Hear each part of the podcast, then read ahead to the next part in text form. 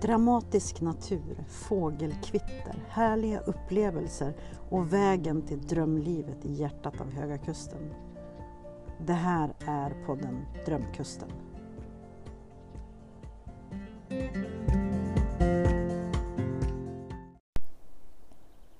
Då är vi igång med avsnitt nummer två på Drömkustpodden. Hej Oskar! Hej Camilla! Alltså vilken dag! Ja, verkligen. Idag får ni garanterat höra fågelkvitter för det tycker jag är det enda vi hör här. Ja, liksom. Lite träd som susar och så. Eh, idag ska vi prata i podden om eh, mod och förändring. Ehm, Vad det innebär och hur man hanterar olika stadier och hur... ja. Och vad är mod för en 19-åring? Precis, jämfört med en 52-åring. Ja. Och vad är förändring? Vad betyder förändring för en 19-åring? Vad betyder förändring för en 52-åring? Vad betyder förändring i allmänhet? Ja. Ehm, idag så har eh, Drömkustpodden landat på ett helt magiskt ställe. Lite trollskt skulle jag säga att det är. Vi är uppe på Mejasjöns fäbodar. Eh, och jag tänkte Oskar att du skulle få beskriva, vad är det du ser här? Kan du beskriva för lyssnarna vad, Ja, alltså vad ser vi för en- någonting? Först och främst var det en otroligt lång backe upp för hit. Jag tänkte vart i hela friden hittar vi vatten? Men sen så kommer vi upp hit och det är en massa fäbodar, otroligt vackra gamla fäbodar med en fin brygga och dans, eh, Dansbana! dansbana också som jag aldrig hört eller tidigare att det hette i mitt liv. Men det är omringad av fantastiska träd och ja, men skön natur. Jag kan verkligen hålla med om beskrivningen du kallar för trollsk. Ja. Det är en, eh, Och så det här med liksom att det Jag tycker det är så fascinerande när man hittar en, en sjö eller ibland så säger man tjärn också. Eh, Jo, mitt min- i skogen liksom. jo, en mindre, en mindre sjö verkligen Mm. mitt i skogen. Eller här, i det här fallet uppe på liksom, Ja. skogen. Jag tänkte på det att om man, eh, vi ska ju dra upp drönaren här antar Mm. jag och då när man drar upp drönaren rakt upp här då kommer man ju också se havet. det blir spännande att se. Det är verkligen. skithäftigt liksom att, att vi har Två olika nivåer på vatten liksom så nära varann. Ja, jättehäftigt. Och det är Höga Kusten i ett nötskal. Det är liksom ett riktigt drömplace att åka runt med kamera och, och filma och fota och, och dröna och sådär. Ja. Eh, det har gått eh, en vecka sedan förra podden Mm. eh, och då satt vi på balkongen eh, hemma hos mig. Mm. Mm. Och eh, det har hänt ganska mycket den här veckan eh, och, och vi behöver inte gå in på detaljer så men för jag tror att jag kan säga att det gäller både dig och mig den här veckan att, att vi har gått in i någon slags eh, eh, brytpunkt, Ja. förändring. Mm. Jag kan ju jag kan ta min del av förändring som händer nu. Liksom. För Ja. mig så har jag, den här veckan så har jag ju skrivit mina sista uppgifter i gymnasiet. Jag Du har har avslutat, jag har avslutat skolan. Mina betyg är satta och nu är det egentligen bara liksom farvälceremonierna som är kvar eller vad man ska kalla Ja. det för. Och Ja. Hur känns det? det känns otroligt Ja. skönt men samtidigt eh, spännande och läskigt att nu för första gången så kommer jag inte gå i skola längre. Nej. Ja, det jag blir väljer ett nytt bara- liv Det liksom blir ett som- nytt liv helt plötsligt. Och jag har kan- gjort det ja, hittills hela mitt liv. Och då kan, vi, då kan vi också snacka förändring. Ja, Det blir verkligen. någonting helt annat. Mm. Eh, och jag tänkte på det här med eh, veckan som har gått också när, när man är mitt i att slutföra någonting och man vet Mm. så himla väl att där framme så kommer allt att förändras. Ja. Liksom. Hur, hur har du tänkt om det? Jag, jag har faktiskt inte varit så uppmärksam på det. Det är mer så här, vad ska man säga, kommer en smygande känsla av att det närmar mig faktiskt. Liksom. Det kommer närmare. Nu är det bara två veckor kvar Ja, och sen så lämnar jag liksom ja, men skolan och allting. ja. Och det är väl, jag måste erkänna, jag har inte insett det riktigt eh, fullt än, liksom, vad, det, vad det egentligen innebär. Men det är fascinerande att sitta och tänka och fundera på det. Ja. Jag, eh, jag har ju faktiskt tänkt mycket på dig den här veckan just av den anledningen att du gör din, dina sista grejer liksom, Mm. på skolan. Och, Eh, för mig, ja, den förändringen som blir genom att du slutar skolan, för mig med dig handlar ju jättemycket om att vi kommer hänga mer, vi kommer göra mer saker ihop, vi kommer jobba mer ihop Mm. och sådär.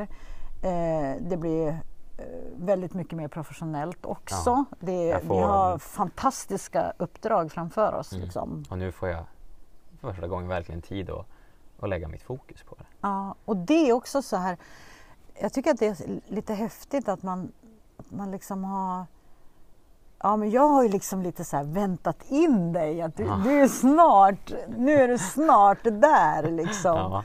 Eh, Medan du har varit fullt upp i det och så. Mm. Så att man ser ju saker på helt olika sätt. Eh, och den här veckan så har jag tänkt jättemycket på eh, att vi egentligen nästa vecka kanske går in eh, ännu mer och väldigt mer, mycket mer strukturerat i att eh, sätta hela boken Drömkusten i rullning. Mm. Och det är också en sån här grej som eh, Ja, jag tycker det är fantastiskt med böcker överhuvudtaget. Jag läser mycket men sen eh, har jag gjort några böcker innan det här och nu ska jag in i någonting som jag aldrig har gjort. Mm. Att jag ska eh, vara med och dokumentera platser och människor. Och, alltså det är ju på ett helt annat sätt. Så jag, jag tycker att det här är jättespännande. Och när vi la ut, förra, när vi la ut hemsidan och eh, podden förra veckan Mm. så fick vi ju jättehärligt genomslag. Mm. Så att, eh, jag vill passa på att tacka för det för att det var liksom Ehm, bland annat så eh, fick vi ett eh, härligt löfte att kunna besöka Jerry Engström på Friluftsbyn. Det ska bli Mm. jättekul. Det Eh, kommer bli riktigt spännande. ja, och sen så kommer vi också att eh, försätta oss på en extremt hög byggnad. Mm. Vi ska podda på taket av Elite Hotel i, i Örnsköldsvik. Det blir spännande. det blir jättespännande. Det blir helt eh, magiskt eh, coolt det också. Mm. Så vi har många spännande saker framför oss för att liksom, eh, skapa det vi ska skapa. Liksom. Mm. Jag tycker att det är lite som att semestra eh, på boplatsen Ja. på något sätt för mig. För, jag, för mig har ju liksom alla de här sakerna varit mer så här, ja men det var plats A och plats B som man tar sig till och där Mm. gör man det och där gör man det liksom. Men nu har du fått en, liksom, en uppgift eller en, ett nytt vinkel och sätt att se på saker för nu, Ja. nu vill du uppleva dem och känna känslorna och vad är din, ja men verkligen analysera vad din upplevelse här. Ja, reflektera över vad man är med om. Ja. Men sen tänker jag också någonting som jag tycker är spännande med, med Drömkustenboken det är att jag ska dokumentera fotografen. Ja. Det tycker jag är lite roligt. Mm. Liksom. Eh, och eh, jag tänkte att eh, eh, just det här med bokens innehåll, Mm. det är ju inte klart. Det är ju inte färdigt liksom. Det är ju en resa. Ja, Ja. Det är en resa vi ska göra hela Mm. sommaren. Men det som jag tycker är lite spännande det är ju att i boken så kommer det finnas en massa QR-koder. Så att de kan hänga med på alla de här platserna som vi har Mm. varit med Drönaren och med annan film och så. med, det kommer dokumenteras mycket behind Ja. the scenes så man kan följa hur eh, och vart man upptäckter och allting Ja, som hör till bilderna. ja. Och jag tänker också det här med att eh, video är ju effektfullt, alltså Mm. det väcker ju massor med känslor och sådär. Och beskriva otroligt mycket mer information vad, Ja. vad som egentligen händer och visa saker med, Ja. med film. Så det är väl, tycker jag, en av de stora häftiga grejerna med den här fotoboken. Det är att Mm. det också faktiskt blir en videobok. Att vi får, att, att vi får liksom en resa med olika videoavsnitt till varje plats vi har besökt eller varje människa vi har träffat och sådär. Så det ser jag, eh, alltså slutresultatet, hur det ska forma sig och det pågår en massa saker i huvudet om det här. Och jag skriver mycket om, om saker och ting som jag Mm. kommer på och eh, av dina kameravinklar så har jag ju sett att jag har fått idéer av dina kameravinklar. Mm. Liksom. Eller dina, eh, ja, men hur du fotar landskapet eller vad, vad du filmar och så vidare. Så kommer andra saker ur det och Ja. det tycker jag är jättespännande. Ja, det ska verkligen bli spännande att se hur, hur de knyts ihop, Ja. bilder och text. Ja. Verkligen. Eh, Men- det här med förändringen. Ja, tillbaka till förändringen. och Hur, Eh, jag tänker på ehm, Ska vi, alltså, ta vad du tänker på så. Nej, men jag tänker liksom det här med att förändra saker. Mm. Ordet förändra Ja, men- har jag upplevt som otroligt negativt eh, Mhm. under många år och jag upplever att andra människor också har ett motstånd, motstånd till ordet förändring. Vad tror du vad ska man säga, andra människor i så fall definierar? Hur definierar de förändring? Eller vad eh, ser du? Det finns ett väldigt mycket stort arbete runt omkring Ja. att göra en förändring. Mm. Och, och jag tror att det är liksom lite latmasken i en eller att man inte Ja. vågar, man är rädd och så Mm. vidare. Men det jag kom på det var ju liksom att om jag byter ut ordet förändring till utveckling Ja. så blir det en helt annan ton. Mm. Och, och det har jag funderat ganska mycket eh, över. Så att, ja, om jag frågar, eh, eller om jag säger till dig, vill du förändra dig? Ja. Eh, Alltså, men vad menar Första du? svar är väl såhär, Nja. Varför skulle Och jag så vilja frågar jag så här, men du Oskar, vill du utveckla dig? Ja, Ja, liksom. det blir som en helt annan grej. Förändring är väl den aspekten att det finns Förändring kan ju vara åt båda hållen. Ja. Man kan ju både förbättras liksom, förändring men även försämras i förändring. Medan utveckling kanske mer har ett inriktat på att Mm, man har kanske det, mer uppsikt att okej, jag ska utvecklas, det ska bli bättre. ja, precis. Så det är som du säger mer positivt med utveckling. Mm. Så jag tänker på det här med att, att förändra sig. Eh, man kanske ska fundera lite på vilka ord man använder i vilka olika sammanhang Ja. man pratar om det såklart. Mm. Men någonting som kräver förändr- eller, eh, krävs i, för att göra en förändring, det är ju mod. Ja. Mod att förändra. Eh, och jag kommer tillbaka till, eh, eftersom jag då eh, har varit i tolvstegsprogrammet ett antal år så finns det ju liksom någonting som heter sinnesrobönen. Och sinnesrobönen den säger acceptera det du inte kan förändra. Mm. Alltså annat och andra. Förändra det du kan, dig själv. Och få, få mod att förändra det du kan dig Mm. själv. Liksom. Och, det är ju onödigt att slösa energi på att försöka förändra något som du egentligen inte har kontroll över. Ja, och det här ligger liksom kärnan i ehm, eh, att det är ju ofta så att man tror att man får bäst resultat om man försöker förändra någon annan Mm. än sig själv. Mm. Att, det, att man ska förändra någon annan för då blir tillvaron lite bättre. Men jag tänker att det handlar ju hela tiden om att förändra sig själv, utveckla sig själv för att Mm. tillvaron ska bli bättre. Liksom. Så i, i eh, allt det här med förändring och utveckling så känns det som att eh, det, det ingår väldigt mycket mod och eget ansvar. Liksom. Ja. Och det modet och ansvaret som man har till sig själv är nog det viktigaste man bär egentligen. Mm. Eh, och jag tänker på det här, eh, eh, jag har skrivit i min bok Hångla på själen där jag har skrivit om, Mm. eh, om mod. Och just dagens text Ja. handlade om mod. Kommer du ihåg vad jag hade skrivit? Mm. Jag läste det för dig i morse. Mod är... Vad, vad, vad var det? Skönhet Mod är under press. Under press. Ja, mod det- är skönhet under press. Och det var verkligen, det, du sa det i första meningen, sen fortsatte du att prata på men jag var fortfarande låst där och satt och försökte vänta. Mod är skönhet Vad betyder under det, press. liksom? Och det var verkligen så här, det tog verkligen tid att processa men sen bara, ja, Mm. Mm. Och jag tänker det här mod, skönhet under press. Det är alltså, jag tänker också att, att eh, det krävs my, mycket mod för att vara sårbar. Mm. Det krävs mycket mod för att förändra. Och att ur sårbarheten så, så kan ju väldigt mycket olika eh, utvecklingsfaser ske. Att man Mm. vågar vara sårbar både med sig själv och med andra. Liksom.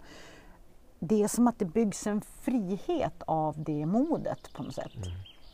Eh, Så det har jag tänkt jättemycket på att den här förändringsprocessen som man har som människa, att den, eh, den är helt i korrelation med hur modig man är. Mm. Alltså om du är väldigt modig och, och tar dig an olika saker så kommer din utveckling också kunna bo, bli både bred, djup och faktiskt snabb. Mm. Därför att vi kan ändra oss på, i, i loppet av en sekund så kan hela livet ändras. Eh, och då krävs ju också att vi tar beslut Mm. efter den förändringen. Och jag tänker nu, nu har du gjort, tagit ett beslut att ja men nu ska du satsa på fotograferingen och Precis, filmandet jag- och sådär. Och hur, hur, tänker, hur, hur tänker du om det? Finns det några rädslor i det? Ja, jo, Eller det finns är en det hel, liksom... Det eh, finns en hel del rädslor i det kan jag säga. Alltså, om jag, det som jag har upplevt, liksom, min förändring som jag har genomgått nu, Ja. eh, den har ju bestått till stor del, eller första eh, steget var ju verkligen att ja, men jag, jag ville göra en förändring. Jag har länge satsat och elitsatsat på skidskytte ju Mm. och har lagt ner större delen av mitt liv på det. Ja. Eh, men jag kände djupt inom mig att jag finner inte längre den här motivationen som krävs för att ta mig Hur kom du fram till det? Ja, Hur kommer man fram till en sån grej att man har toksatsat på någonting? Och hur blir det inuti liksom, när man toksatsar på någonting och tror att det är det man ska göra eh, liksom, framåt? Och, och så sen så händer det någonting. Vad, är det som, vad var det som hände och hur Alltså, kom du fram till det där och hur upplevde du alltihop Mm. det där? Jo men det här med min satsning på skidskytte och varför min motivation till varför jag gjorde det insåg jag att jag hade inte, men jag kunde inte se eh, någon motivation som relaterade till eliten som var liksom, ja men allas huvudmål liksom, Ja. som jag egentligen satsade för. Mm. Eh, och insåg då också samtidigt när jag då började få intresse för fotografering mer och det här Mm. med entreprenörskap och Mm. relationer och sånt så insåg jag att det finns ju andra alternativ också. Liksom. Ja men den där Och- grejen liksom att man, att, okej, det Ja, går att ändra sig precis. liksom. Men, då, men då möttes jag ju av vad som, rädslan och eh, där jag behöver testa mitt mod för att jag var ju inte säker. Det, jag skulle ju testa något nytt så det är såklart jag inte är säker eller Mm. på hur det skulle utspela sig eller egentligen vad jag skulle göra. Vad var du egentligen rädd för? Vad bestod Men rädslan Det jag av? var rädd för var ju det här att eh, ja men vilket val som var det bästa och rätta för mig lite och sen samtidigt att jag hade lagt ner så mycket tid på eh, idrotten och sporten att det var ett värde i den om jag liksom slutar för det är inte bara att ja, men nej nu vill jag börja igen Nej. utan det krävs, jo jag kan ju inte ha ett år av men det, det krävs hårt arbete för att komma tillbaka. Så det, Mm. det är inte så att jag kan ändra mig om tio år och säga nej men jag vill fortsätta. Nej, jag förstår. eh, så det är så att det är nu, om jag väljer att sluta med det nu så slutar jag förmodligen med det Mm. liksom, för alltid. Fann, fanns det någon rädsla att göra någon besviken? Någon annan alltså, än dig Alltså, själv? Ja, någon annan. I grund och botten så tror jag att jag hade tillräckligt vad ska man säga, förtroende för mig själv och baserade mycket på mig själv. Men absolut så hade jag måste man säga, en känsla också av att men många andra skulle fundera om det var rätt val. Ju liksom det mer. Kanske inte just besvikenheten för jag har väldigt, haft väldigt vad ska man säga, goda, bra sorts stöd från mina föräldrar. Att de inte egentligen baserar på min eh, prestation utan jag har haft väldigt bra stöd därifrån och även från tränare. Men jo, det har väl varit, legat i magen lite grann här med men mycket mer vad andra eh, kompisar och idrottare ska Tycka och tycka tänka. och tänka. Mm. Och, ja, hela den, eh, hela den balansen var eh, på något vis var utmanande Mm. att välja beslutet. Liksom. Om man säger, vad har du vunnit på att köra det här skidskytteracet eh, de här åren eh, inför din framtid tror du? Alltså vad, vad har du tagit med, vad tar du med dig från de här åren som du kommer ha enorm nytta i det jobb du ska göra framåt med dig själv liksom? Med mig själv så är det ju absolut har jag funnit liksom, men, grunderna och allting till att jag verkligen gillar och mår så bra av att röra på mig och hur viktigt det är för mig. Det har jag verkligen lärt mig och insett för att jag har gått igenom allt från tyngre perioder där jag tränar mycket till lättare perioder där jag vilar och sjukdomar och allting påverkar och jag har lärt känna min kropp väldigt bra, hur jag mår. Mm. Jag kan känna av om jag har en förkylning på gång eller om jag är för sliten eller trött eller, eller om jag är fräsch och pigg. Men senare under tiden så eh, har jag lärt mig väldigt mycket om och tagit med mig otroligt mycket om hur min hjärna fungerar och hur liksom mitt mentala tillstånd har varit avgörande i min prestation Mm. väldigt ofta. Speciellt då det är skidskytte som är en väldigt krävande mental sport när du ska in. Du är otroligt ansträngd, har åkt en mil skidor och så ska du in och skjuta ett sista skyttande på dallriga ben liksom. Och det, du börjar få lite press på dig själv att du har gjort det där tusentals gånger tidigare men nu får du en helt annan känsla i Mm. huvudet och då gör du någonting annorlunda vilket resulterat med att du inte träffar. Ja, okej. Så det, det har varit väldigt fascinerande att lära sig ja, mer om hur min prestation påverkas av mitt Mm. mentala tillstånd och hur jag då eh, tränar. Jag har varit med allt från eh, brist på motivation, har jag haft eh, tyngre säsonger av skador eh, kontrad även bättre säsonger där man har blivit peppad för att har, man har sett sin egna utveckling. Mm. Och eh, slutligen så har jag, ja men av det och jämföra så har jag på något vis insett att det är en viktig punkt i mitt liv. Liksom hur jag tänker, vad jag tänker, när jag tänker och hur jag då kontrar det eller liksom tar, tar hjälp av det. Det låter ju som att du fått ganska bra med självkännedom hur du hanterar kropp och själ. Liksom. Ja, det har varit, ja det skulle Mm. jag säga. Och jag kan, jag kan ju säga det att jag, hade jag haft den eh, kontakten och insikten med mig själv när jag var 19 så hade nog livet sett helt annorlunda ut. Mm. Eh, Jag är ju också uppväxt i där man inte fick... eh, Jag kommer ihåg liksom när man sa till... till eh, eh, ja men alltså de... Det här med att, att ha, eh, prata om psyket och Ja. själslig och mental Mm. hälsa och sådana där grejer. Det var ju liksom inte... Det fick man inte Nej. riktigt göra. Det var Nej. så fruktansvärt hemskt att inte kunna prata om känslor och... För då, då sågs du som svag liksom. Ja, det, det, det fick du inte göra. Du skulle klara dig själv och, och kunna stå på egna ben. Även liksom, du fick inte lipa eller liksom fundera varför någonting inte kändes bra. Nej. Eller, du skulle bara sköta din grej och bita ihop. Och, Ja, bita ihop och knyta näven Ja, i byxfickan. precis liksom. liksom. Och det, jag tror att det kan jag säga att eh, jag är 60 60-talist så att jag, för mig Mm. är det liksom, jag är uppvuxen i det här med att höra eh, liksom, eh, ja men typ min mormor sa, ja men hon har åt nerverna. Ja. Och jag bara, eh, va?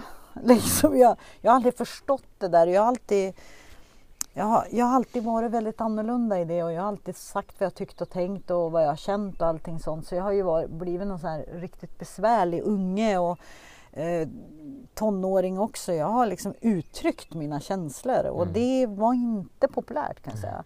Och jag tror att de där grejerna med, är nödvändiga också för att eh, på riktigt få lära känna sig själv och få vara den man är där man är. Liksom. Mm.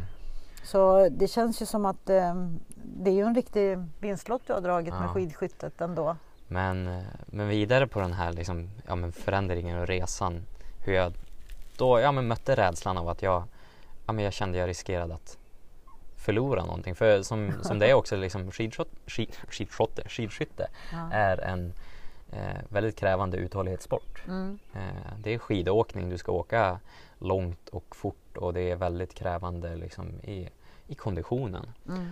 Och det är faktiskt inte bara krävande i konditionen utan det är även i, i Psyket. psyket och Ja. mentalt. Mm. Och eh, inte nog under bara ett lopp utan även hela satsningen i sig. Att jag vet också att det kan vara en, en svacka nu på den här perioden. Liksom, Mm. Och att jag kan finna annat hopp på andra sidan en tröskel eller om en till sång går förbi och säsong går förbi och det händer Mm. eh, fler saker. Så jag, det jag hade i, i bakhuvudet var ju också att det kan gå liksom om jag bara fortsätter. Men då satt jag fortfarande och bollade med tankarna att nej, jag är nog jag, jag är nog redo för att testa något nytt. Mm. Och, och jag satt och använde mig till slut av liksom, ja, men metoderna för att ta fram vad, vad det är jag verkligen gillar i, i skidskytte. Mm. Ja, men jag kunde bena fram att jag älskade verkligen gemenskapen som var på tävlingar mellan det. konkurrenter och det, det jag älskade mest av allt var ju att liksom åka på läger och träna.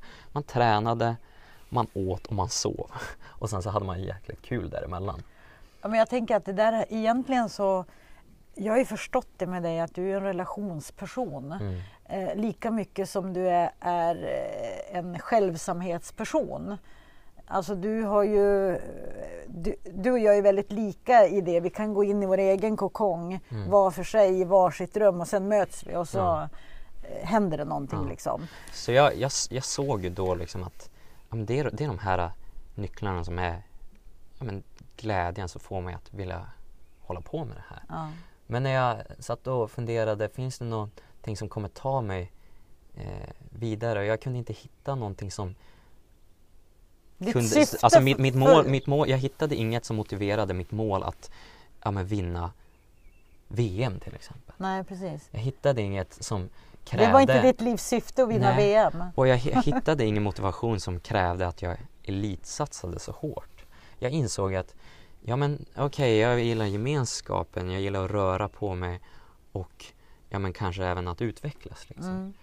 Men jag kan göra alla de där sakerna Utan, utan att elitsatsa Ja, liksom, och lägga ner hela min tid, liksom hela min vakna tid på det. Ja.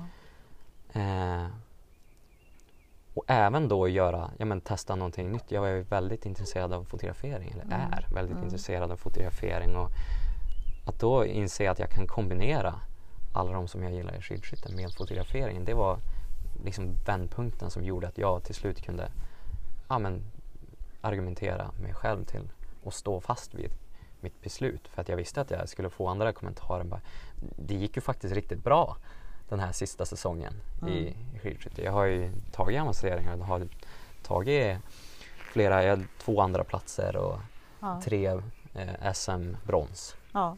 Eh, och kom tvåa i totalkuppen. Ja. Men Det var gratulerar, vad ja, häftigt. jo.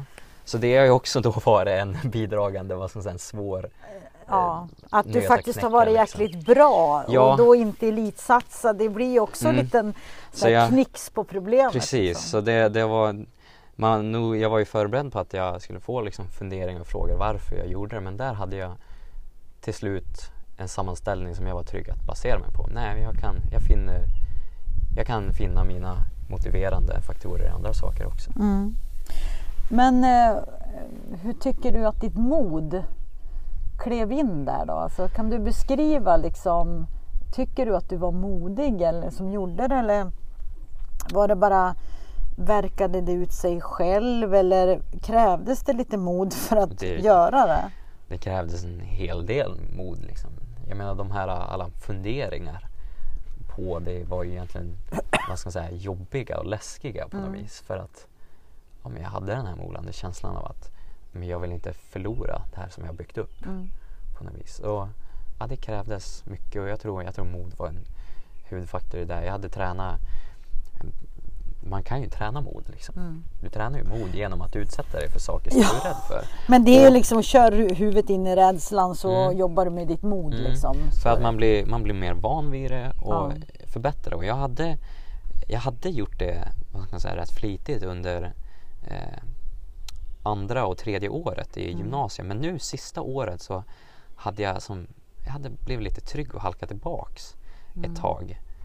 Men sen när jag då ställdes inför den här så märkte jag hur, hur en period jag var lite svagare där. Liksom. Mm. Och det var väldigt tungt att ta sig igenom. Men sen med tiden så blev jag starkare och starkare och till slut så kunde jag slå fast liksom och verkligen Mm. ja, men sätta ner foten att nej, jag har bestämt mig. Vad är det modigaste du någonsin har gjort? Oj, Visst var den jobbig va? det är en jobbig En fråga. jobbig fråga. Vad är det modigaste du någonsin har gjort? Alltså jag, tidigare i min ungdom så var jag väldigt skygg med vad, hur folk skulle se på mina åsikter. Ja, Liksom och tycka om vad jag tyckte. ja okej. Eh, Omvärldsstyrd? ja, Ja. Eh, jag, hade, jag har ju otroligt många tankar liksom, och funderingar och åsikter om saker men det var mycket i min ungdom som jag inte sa. Liksom. Och, jag, och jag skulle bara vilja då påpeka du då att du är fortfarande ungdom. Det är det som är så roligt med dig. Du är 19 år liksom och så har du ändå en ungdom. Ja. Det är så jäkla häftigt. Och, och, om jag skulle säga samma sak så är det liksom Ja men det är typ 40 år sedan jag hade Ja. en ungdom. Ja. Ja. Nej, Det var bara en passus. Jag tyckte Mm. det var så himla roligt inspel. Ja. Ungdom liksom Mm. och du är 19 år. Herrejösses, det är helt fantastiskt det där att, att, att eh, komma på att Ja. eh, man har liksom att man har eh, att man kan se tillbaka. I vilken ålder som helst så kan Mm. man se tillbaka. Mm. Så det, nej men så det har ju varit, det är ju alltid en, en, en resa liksom. Jag är otroligt mycket modigare idag Mm. så jag kan ju mycket lättare stå och möta eh, svårare problem. Mm.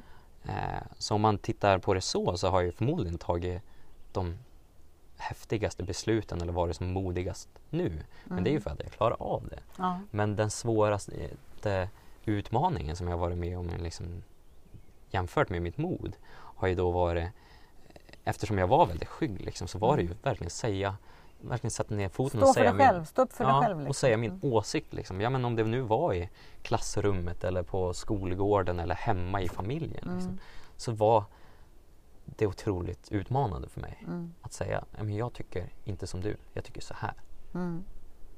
Häftigt. Så det, det är väl det.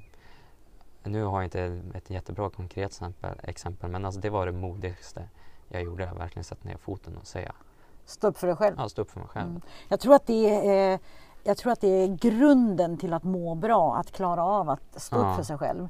Därför att då är man också duktigare på att sätta gränser. Mm. Eh, istället för att bara åka Sina- med och göra som alla Ja, andra men sina tycker. egna gränser. Ja, exakt.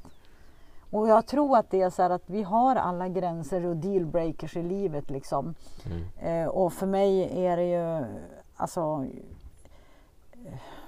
jag har ju insett det att jag har ju varit liksom lite på något sätt, det modigaste jag har gjort, det har jag nog Mm. gjort de senaste sju åren. Ja. Jag skulle nog säga, jag skulle nog säga själv att jag inte har varit modig. Ehm, att jag inte har varit modig de tidiga, tidigare åren, att jag har varit ganska feg på många olika plan och på många olika... Alltså jag har haft väldigt svårt för att sätta gränser och satt mig själv i situationer med ja, men fel, eh, fel jobb och Mm. ja, men bara för det där att jag liksom ska... Ja, men du, har, du har inte vågat säga din åsikt och vad du Nej. tycker om det utan du har bara gått med på vad alla andra Ja. säger och tänker och tycker. Och även, jag har ju haft åsikter men jag har Mm. ändå inte vågat stå upp för mig själv. Nej. Jag har kunnat haft åsikter om en viss eh, grej som ska utföras men jag har ändå inte liksom haft eh, stått upp för mig själv för vad som känns rätt och fel i magen. Mm. Liksom så. Och den grejen kom ju med när jag blev sjuk 2013. Mm. Då, åt, då var det som att jag, att jag, jag vet inte riktigt återfödas, var ett dumt ord kanske, men, men eh, det kändes i alla fall lite grann så att nu, jag har, jag var på vippen att, eh, att förlora livhanken och, Mm. och det gjorde mig väldigt eh, uppmärksam på hur snabbt det kan gå att livet tar slut. Ja. Och det har ju också liksom eh, förändrat hela mitt synsätt både på mig själv och på mitt liv och att jag har inte all tid i världen. Nej. Så enkelt är det. Och, och då kan man inte sitta och vänta. Om man inte har all tid i världen så kan man inte sitta och vänta. Mm. Så det modigaste jag har gjort det var liksom för att, bes- att bestämma mig för att även hur, om jag inte kommer kunna prata igen eller gå eller whatever så ska jag ha ett liv. Mm. Och, och den grejen, det är nog det modigaste jag har gjort Ja. tror jag.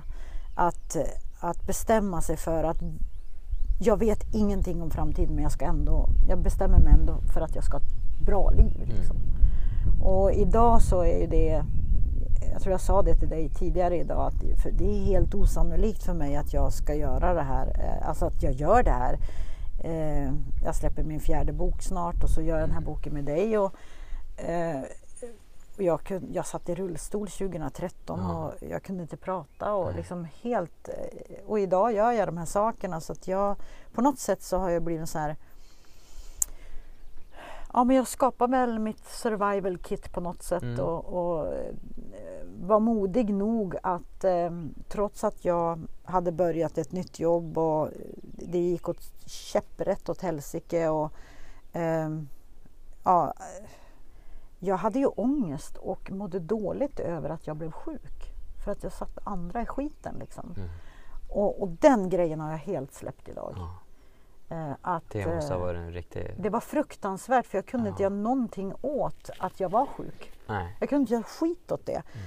Och den grejen i, i att, att få det modet under några år att Mm. släppa taget om den skammen att jag liksom satte någon annan i skiten för att jag blev sjuk och ja, men sådana där Mm. grejer och folk eh, Ja men det blev ju helt tyst runt omkring mig i två år. Och eh, jag visste inte om jag skulle leva eller dö. Nej. Så för mig så var det så här, eh, det blev liksom någon slags dubbel dödsångest där. Att, eh, vad kommer hända med mig? Och, och då bestämde jag mig att ta det där beslutet. Och det var faktiskt en, en snubbe på internet eller på, på nätet som, eh, jag tror att det var Facebook, som satte skräck i mig nästan på något sätt. Och, Mhm. Pra, han pratade intensivt och jag orkar inte lyssna och jag tänkte jag är helt förstörd för jag kan inte ens höra vad han säger liksom. Och det har ju varit min styrka förut. Mm. Att plocka upp vad folk säger och använda det och gå vidare och göra verktyg av det för mig själv och för andra. Och, ja, men jag jobbar med säljledning och allting sånt. Jag har haft helikopterperspektivet eh, som, ja, jag har kunnat kommit ihåg vad som helst, liksom små enkla detaljer för vissa. Ja, men till exempel när jag jobbade som inredare så Mm. visste jag att en kund som jag gjorde ett vardagsrum till Ja, men jag visste att det stod en blå vas på tredje hyllan inne på lagret som skulle passa i det fönstret. Liksom. Ja. Så på, på den detaljnivån var det till att tappa hela arbets och närminnet. Och det, det blev ju en, ett trauma såklart. Alla mina talanger tappade jag bort. Men det, Eh, det jag tycker är väldigt intressant, du sa att du kan nästan säga det som på nytt födelse. ja. Och det, är- det är lite så jag ser det. Jag tycker det är fascinerande att jag sitter här som 19 år och liksom, ja men med att jag slutar gymnasiet så ser jag verkligen, nu hoppar jag ut i ett nytt liv. Ja. Du är 52 men känns lika på nytt född liksom och ung som jag på något vis för att du, du är helt, men jag ska, jag vill göra något nytt Ja. och ändra, förändra. För Jag- att jag känner många, eller min syn och jag, känner, jag kanske både känner många men annars har jag en allmän syn på att ja, men där, vid, där vid 40 då har man bara satt sig där man sitter och inte ändrat sig. Liksom. Ja men det är ju ganska vanligt. Men, och, och jag tänker på det, det som jag eh, det som blev väldigt tydligt för mig när jag blev sjuk det var ju att jag hade en, en röst i magen som sa en massa saker till mig som jag inte hade lyssnat på på ett helt liv. Mm. Och helt plötsligt så det fanns inget annat än att börja lyssna. Eh, jag hade ju bara mig själv. Jag satt i en soffa, kunde inte gå, kunde inte prata med andra. Så jag hade ju bara mig själv. Och den där rösten sa en massa saker till mig. Eh, och jag har ju alltid varit en sån här som har sagt vad tyckt och tänkt och gjort saker och, och inte funderat så jäkla mycket utan bara kört på och gjort grejer. Du har aldrig funderat varför du gör så eller tycker så eller Nej. känner så här? Nej, alltså jag har, det, jag har ju levt i en görande värld, Ja. inte en varande värld. Och så helt plötsligt så ändras allt. Mm. Och så kommer jag in i en varande värld och kan aldrig göra någonting. Liksom. Och för mig blev det en stor förändring eh, överhuvudtaget. Därför jag hade ju akklimatiserat mig till den här kapitalistiska kommersiella världen och, och som man bara handlar om bekräftelse och pengar och hela den biten. Så jag lämnar ju allt det. Mm. Ehm, och eh, sen blev jag då sjukpensionär för jag klarar inte av att jobba liksom och sådär. Men jag har verkligen tagit på allvar. Eh, Jag tog mod till mig att se, eh, alltså börja se eh, vad jag behövde göra och då, det jag skulle Och komma till var. Ja precis och det, det jag skulle komma till det var den här snubben på nätet då, som bara gapade och skrek och, eh, om allt möjligt och sådär. Men, och jag orkade inte lyssna på honom. Han var ju verkligen så här extremt forcerad och min hjärna klarade ju knappt det. Nej. Men då sa magen till mig, fortsätt att lyssna på honom. Eh, och då fortsatte jag lyssna på honom. Och sen eh, amerikan, eh, otroligt snabbforcerad i talet. Om jag är det så är Mm. han eh, hundra gånger värre. Mm. Eh, och jag börjar lyssna och tänka, vad är det han säger egentligen? Om, om man tar bort den här forcerade grejen, vad är budskapet i det han säger? Liksom? Mm. Så jag börjar följa honom. Och eh, så kom jag på att jag måste ju börja talträna för min talpedagog som jag hade dömde ut mig, du kommer aldrig prata igen. Mm, Och du, du vet, säg det till Camilla Hiller. Att du kommer aldrig kunna göra det där. Då bestämmer jag mig för, Att I'm du ska- gonna show you. Lite så, så att det är ett bra bränsle liksom. Mm. Och det, var, eh, det har hänt många gånger i mitt liv liksom att när, när till exempel eh, folk sa att du kommer aldrig kunna sälja dyr eh, kvalitetsdesign i norra Sverige. Watch me sa jag bara. Mm. Och tog det till mångmiljonnivå. Eh, så jag vet att jag har den kraften och just i det här då så kom den här kraften att hmm, jag kanske ska använda den mest forcerade människan jag har runt omkring mig nu, alltså just på det här nätet. Så jag satte mig ner och försökte talträna. Det var fruktansvärt. Mm. Därför att jag, jag klarar ju inte ett enda ord. Nej. Och tårarna bara sprutade, jag försökte och jag klarade ingenting. Men jag fortsatte. Lite som det här med, med att träna skidskytte. Man kan ju inte bli bra på att pricka den där tavlan om man inte tränar. Liksom. Eh, och då eh, fortsatte jag med det där och eh, jag kan säga att den mannen förändrade väldigt, väldigt mycket i mitt liv och satte igång saker i mig som jag som aldrig hade varit igång i mig överhuvudtaget. var mitt livs syfte liksom. Mm. Eh, och eh, framförallt det här med att, att ha modet att få mycket mer självinsikt därför att det är i självinsikt som all framgång sitter. Det var hans budskap. Mm. Oh shit vad tuffa år det har varit liksom. Får jag fråga som lyssnare, vad heter den här mannen? Han heter Gary Vaynerchuk Mm. och eh, jag har följt honom, jag följer honom fortfarande. Eh, och det jag gjorde med hela den här resan med honom det var ju att eh, jag, skrev, jag skrev en lång blogg om eh, resan med honom långt senare. Eh, och då var det en eh, kille i Göteborg som läste den där bloggen och eh, så fick jag, jag, för jag skrev i den här bloggen att jag en dag ska jag tacka den här karln. Liksom. Mm. På något sätt ska jag kunna träffa honom och tacka honom. Om det så är på gatan när han går ut ur Mm. sin byggnad eller whatever så ska jag träffa honom och tacka honom. Liksom. Så det var liksom det var mitt mål hela tiden att jag måste få tacka honom. Så eh, jag skrev det i bloggen och eh, så var det en kille då som arrangerade en stor eh, konferens för business folk där han skulle ha en keynote och prata. Mm.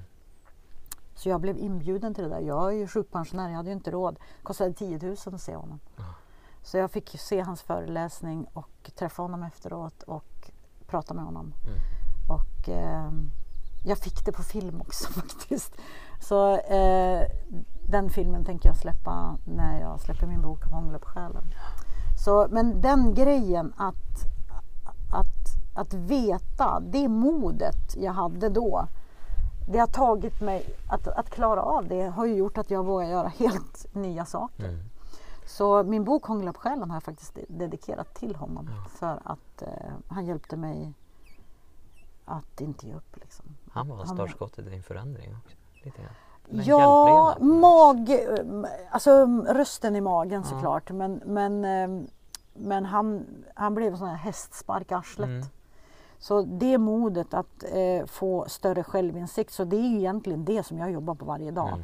Ju mer självinsikt jag får nu, ju större, ju större utveckling får jag ju själv. Men också ju längre kan jag ta mig. Ja. Och jag kan ta bort alla hinder som finns framför mig som jag målar upp i mitt huvud. Att jag kan bara Mm. liksom radera dem om jag Mm. har mod att få större självinsikt. Eh, så att eh, livet har ju förändrats helt och hållet. Så, jag, ja. så det är modet att, att också lyssna på det Ja. på något sätt. ja, men det krävs både. Det krävs väldigt mycket mod för att göra förändring. Ja. Och det kommer det göra framöver. Hela tiden också. Du möter nya förändringar som kräver ännu större mod också. Ja men också kan man tänk, tänka sig, eh, jag, jag skulle vilja säga det till alla som lyssnar också att om man drömmer om någonting eh, och eh, tänker att nej men jag kan inte göra det därför att. Ja. Eller att eh, ja men jag kan inte göra en sån bok därför att tänk om någon tycker att den är helt åt helsike eller någon har synpunkter på det. Och Mm. Jag kan inte kalla mig författare eller jag kan inte kalla mig fotograf. Nej. Eller, Jag kan Ja, inte du vet. satsa på det här för Nej. att bla bla bla. bla, bla. Alltså det är så mycket bullshit i det så att det inte är klokt. Och det har ju att göra, varför hjärnan sätter igång det där, det är för att egot ska slippa ta ansvar för, för, för en själv. Liksom. Alltså att eh, egot vrider på alla möjliga olika hinder därför att egot vill aldrig att du ska lyckas. Det är bara det kärleksfulla i dig som vill lyckas. Och då får man välja sida helt enkelt. Vill jag vara kärleksfull mot mig själv och andra eller vill jag vara en egoist och låta egot vinna? Så jag ska sitta fast där när jag är 40 då som mm. du säger mm. och så göra, inte göra det jag vill utan helt enkelt vara fast i någon, någon mönstermall som samhället har skapat ja. istället för att jag ska leva mina drömmar och må bra inuti. Jag tror det är viktigt att ja, men kunna se och förstå vilka rädslor det är som påverkar en ja. egentligen. Och vad är det som håller, varför, varför kommer jag upp med sådana direkta argument mot mina drömmar? Varför och varför följer jag strömmen? Det är ja. en jätteintressant fråga. Varför vill jag vara som alla andra? Mm. Varför vill jag vara som alla andra? Varför vill jag vara varför som alla andra? Strävar jag efter det? Varför, varför vågar jag inte vara mig själv? Liksom? Ja. Och hur kan jag argumentera emot liksom, mina drömmar? Vill jag verkligen det? Vill jag argumentera emot mina drömmar? Det är en jätteintressant fråga. Och varför, varför agerar jag emot mina drömmar och mitt livs syfte? Liksom? Ja. Det är helt absurt egentligen. Och det är så här, jag upptäckte eh, mina sista år som säljare innan jag blev sjuk så upptäckte jag att folk hade, alla människor runt omkring mig hade olika eh, synpunkter på hur jag skulle göra saker. Och eh, jag var på ett frukostmöte en gång och så träffade jag jättemånga människor och så pratar man om olika saker och sådär. Och så inser man då att jag pratar med 40 människor som tycker att jag ska göra på 40 olika mm. sätt. Och det blev en sån här wake-up call för mig att jag, nej, det går ju inte, jag, jag, måste ju köra på min linje. Ja. Jag kan ju inte liksom du kan ju inte göra 40 stycken nöjda. Det är helt omöjligt. Du kan ju bara göra en nöjd och då är det väl lika bra att ta det själv. Ja, och det är det jag tror att man måste stå stark i den man är och, och förankrad i den man är och, och förstå att eh, ingen är mer eller mindre värd än någon annan. Nej. Så enkelt är det liksom. Och, och, jag tror att den grejen också som vi har vuxit upp med det här med jantelagen som säger att du duger inte eller mm. du ska inte tro ska, att du är något. Och du, ska liksom. bara, du ska bara göra det här, du ska vara i systemet som fungerar som ja. alla andra gör. Liksom, för att det är där du är hemma. Och, och det som är också intressant att alla som gör någonting blir alltid kritiserade av de som inte gör någonting. Det är jätteintressant. Och jag brukar säga det att, att ofta så är det ju så att man det man inte själv klarar av att leverera, det kritiserar man andra för. Ja. Och det är ju någonting som jag också har lärt mig i den här processen. Jag vet ju att när jag blev sjuk så var ju otroligt många rädda runt omkring mig. Och, eh, många, många år efteråt för att jag inte skulle klara av att ta hand om mig själv och sådana saker. Jag kommer ihåg eh, eh, att eh, det var mycket rädsla runt omkring mig. Inte vad de sa, men att det var otroligt mycket rädsla. Och typ så här att Ja, men det kan du inte göra och, och, och det kan vi inte låta dig göra och det, vi måste hjälpa dig och du vet sådana här saker. Och så jag fastnade ju helt i det där bitvis och mm. tänkte att ja, ja, ja, men det, det är nog så liksom. Och att, att någon bestämmer åt en. Det var jättesvårt att ta emot sjukpension.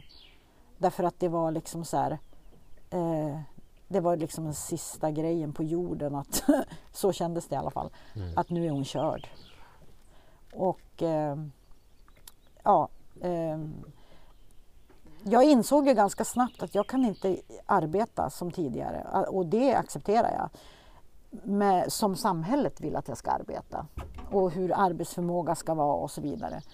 Men eh, jag blev deprimerad av, av att gå hemma så jag bad om aktivitetstimmar från Försäkringskassan och det räddade ju livet på mig. Jag tror att jag inte hade funnits idag om, om jag inte hade liksom... Jag hade gått ner mig så fruktansvärt i att jag hade liksom inget syfte i livet längre. Och, och jag tror att det är livsfarligt. Jag tror att man blir deprimerad, utbränd, utmattad, alla möjliga olika eh, saker av att inte, ha, att inte odla sitt livs syfte. Men återigen till det här när man då vill leta sitt syfte, liksom, finna sitt syfte och våga man kanske gå ifrån det här systemet och samhället som man egentligen inte vill vara i. Mm. Så kommer ju folk kritisera. Ja. Men det är ju då inte kritik mot dig utan det är ju deras egen kritik mot dem själva. Vad, ja. de inte, vad de själva inte vågar göra.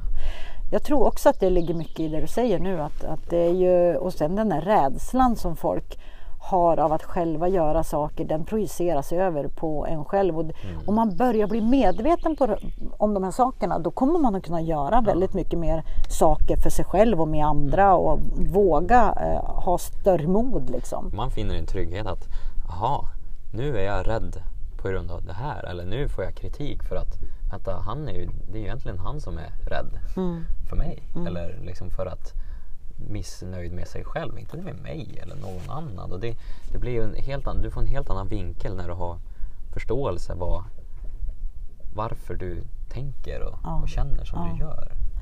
Ja, Även vad är det- andra tycker och tänker. Liksom Ja, jag tror att det är livsfarligt att leva i andras tyckande, andras åsiktsträsk Mm. eh, och tappa bort sig själv i det därför att man, man kan bli så otroligt medberoende både till samhället, till människor och till situation. Mm. I situationer så kan man liksom hamna helt snett och fel. Så jag tror att det viktigaste att jobba med det är sig själv. Ja. När jag förändrar och utvecklar mig själv så kommer eh, jag att vara med och förändra och utveckla världen. Jag kan inte se det på något annat sätt. Liksom. För vart börjar krigen? Det Ja. börjar ju med en människa liksom. Ja, men jag, jag gillar ju liksom det här mottot, eller liksom mottot eller vägledning att om du, om du möter motstånd då är du förmodligen på rätt väg. Ja. Det- den det- är, det den är är ganska cool faktiskt. Ja. Och, det, och det, modet att, att utforska det motståndet, Ja. vad det består av Alltså och bara, varför det ah, har okej. uppstått. Liksom. Ja. Det finns ju jättemycket i Mm. det som är spännande såklart. Ja. Eh, eh, vi har en helt magisk sommar framför oss. Mm. Vad, vad tror du är liksom det... Jag, jag kan säga att jag behöver jättemycket mod i sommar. Ja. Det här projektet som jag har gett mig in i, det är så sjukt jobbigt för mig Mm. att göra den här boken. Mm. Och det finns en anledning till det. Och det är ju därför att jag eh, inte... Ett tag så tänkte jag så här, äh, men jag ska nog inte göra det här därför att jag, eh, jag är så annorlunda jämfört med Oscar. Liksom. ja, men och så, och det, kom, det, det som kom i det här, det var min fysik. Ja. Att du är så extremt vältränad och jag inte är det. Mm. Och att jag eh, kommer bli någon slags sån här eftersläntrare som du får dras med upp för något berg här och där och liksom så. Det, har, det har nog varit min största så här, motstånd och Mm. lite sådana grejer. Men så vände jag på det och så tänkte jag så här, fy fasen vilken fördel att få hänga med dig hela sommaren och vara ute och gå och eh, röra på sig och få träna och Ja. liksom sådana grejer. Jag tycker att det ska bli så jäkla roligt. Och Man sjukt ju- jobbigt. ja, man får ju otroligt mycket inspiration och det är ju faktiskt så att man, man blir ju väldigt lik dem man är med. Ja. Man Så tar efter mycket så att det, det här att stötta varandra i liksom utvecklingen det är otroligt, otroligt starkt och värt. Och jag känner ju också det att jag blir mycket mer fri och öppen när jag är med dig. Mm. Eh, och det har ju också, eh, det är ju en stor vinst för mig att, att liksom få helt nya infallsvinklar eh, så långt som jag har kommit i livet. Ja. Eh, och sen så inse att okej, den där 19-åringen, han har minsann bättre koll på det där än vad jag har. Jag har en del att lära liksom och att förstå att ju, ju mer jag lär mig så ju mindre kan jag. Att, att fatta att det är på det sättet och Mm. Det inte sätta sig på någon så här högmodshäst och Ja. tro att man kan och vet allt. Liksom. Jag tycker att det är så sjukt spännande med eh, och det blir så här dynamiskt och häftigt att vara med någon som är så mycket yngre som Mm. påminner mig om, om saker och ting. Mm. Så jag, jag- tycker, jag, jag tycker min utveckling med dig är väldigt intressant för jag får en större vad man säga, uppsikt och bild över om att våga vara mig själv. Mm. Ja, bra! Otroligt. För det är också, jag tror att bra. det är någonting som vi kan stärka med varandra och hela det här projektet och våran vänskap och att vi också är kollegor och sådär. Ja, för det, det är lite förändring för mig för att ja, men om jag ska vara ärlig mot mig själv så har jag förmodligen inte varit helt mig själv tidigare. Nej. Så det, det krävs både mod och för att klara, mycket mod för att klara den förändringen. Och Ja, Då får man stöttande hjälp är otroligt bra. ja. Inspiration också. Jag tänker, jag tänker liksom att eh, eh, när jag är med dig så tänker jag så här att vi kan göra precis vad vi vill. Mm. Precis vad vi vill. Jag har inga jag har Det- ingen så här jante, är eh, kofta, ingenting sånt. Jag, jag känner, det känns som att det här är bara början. Det här Ja. bokprojektet bara början. Jag har ingen aning om jag kan liksom se mig själv resa runt hela världen med dig liksom. Och göra, skapa Mm. att, grejer. Att kunna liksom. tänka det, det är riktigt fascinerande och inspirerande. Då tror man kommer riktigt långt. Ja. Eh, ja, det är en härlig stund här på Mejelsjöns fäbodar. Nu börjar det Jag, bli riktigt varmt. varmt och skönt, fåglarna kvittrar och vi börjar bli hungriga. Ja, precis det också. så vi ska äta en sockerfri lunch. Mm. Eh, och eh, ja. Vi tar oss vidare nästa vecka till en annan plats Mm. som vi inte ännu vet vart, vart den Nej, ligger. det blir spännande att se vart vi hamnar någonstans. Ja. Eh, och eh, det ska bli väldigt, väldigt roligt att se vad den här veckan har att ge oss. Mm. Eh, Ja, dela gärna podden om ni Ja. tycker att det är spännande lyssning. Och, och om någon skulle ha intresse och Mm. nytta av att höra våra tankar och idéer lite grann. Ja. Och eh, framförallt eh, eh, kommentera gärna, skriv gärna en, eh, recension om ni känner för det. Och gärna vad ni vill veta mer också. Ja, det, Tipsa oss gärna om Höga Kusten, ni som har varit här Ja. eller ni som bor här. Tipsa oss gärna om... Era bästa smultronställen. Ja. Och sen så skulle jag vilja, eh, jag skulle vilja sätta en topp 10 av berg i, Ja, i boken. liksom. Ja. Mm. Topp 10, eh, de 10, Topp top 10. topp 10 Ja. ja, eh, i boken. Och därför så skulle jag vilja ha tips på berg som inte är så vanligt eh, att besöka. Mm, mm. Lite mer Vi, lokala. vi vet ju de stora Ja. eh, bergen. Ja, vi vet ju, mitt favoritberg är Stortorget. Det har en plats på topp 10. Skuleberget har en plats Mm. på topp 10. Valkallen har en plats på topp 10. Men det skulle vara intressant att veta de här ja, men lite mer Ja. gömda kanske man ska säga. ja, men där inte den eh, stora turiststråket Mm. drar. Mm. Tipsa oss gärna om ditt favoritberg. Det skulle vara roligt. Vi ska klättra som tusan i sommar. Mm. Ja, vi eh, avslutar podden idag och jag hoppas att eh, ni har det bra där ute. Tack för idag Oskar. Tack för idag så Mm. ses vi nästa vecka. Ja, det gör vi. Hejdå!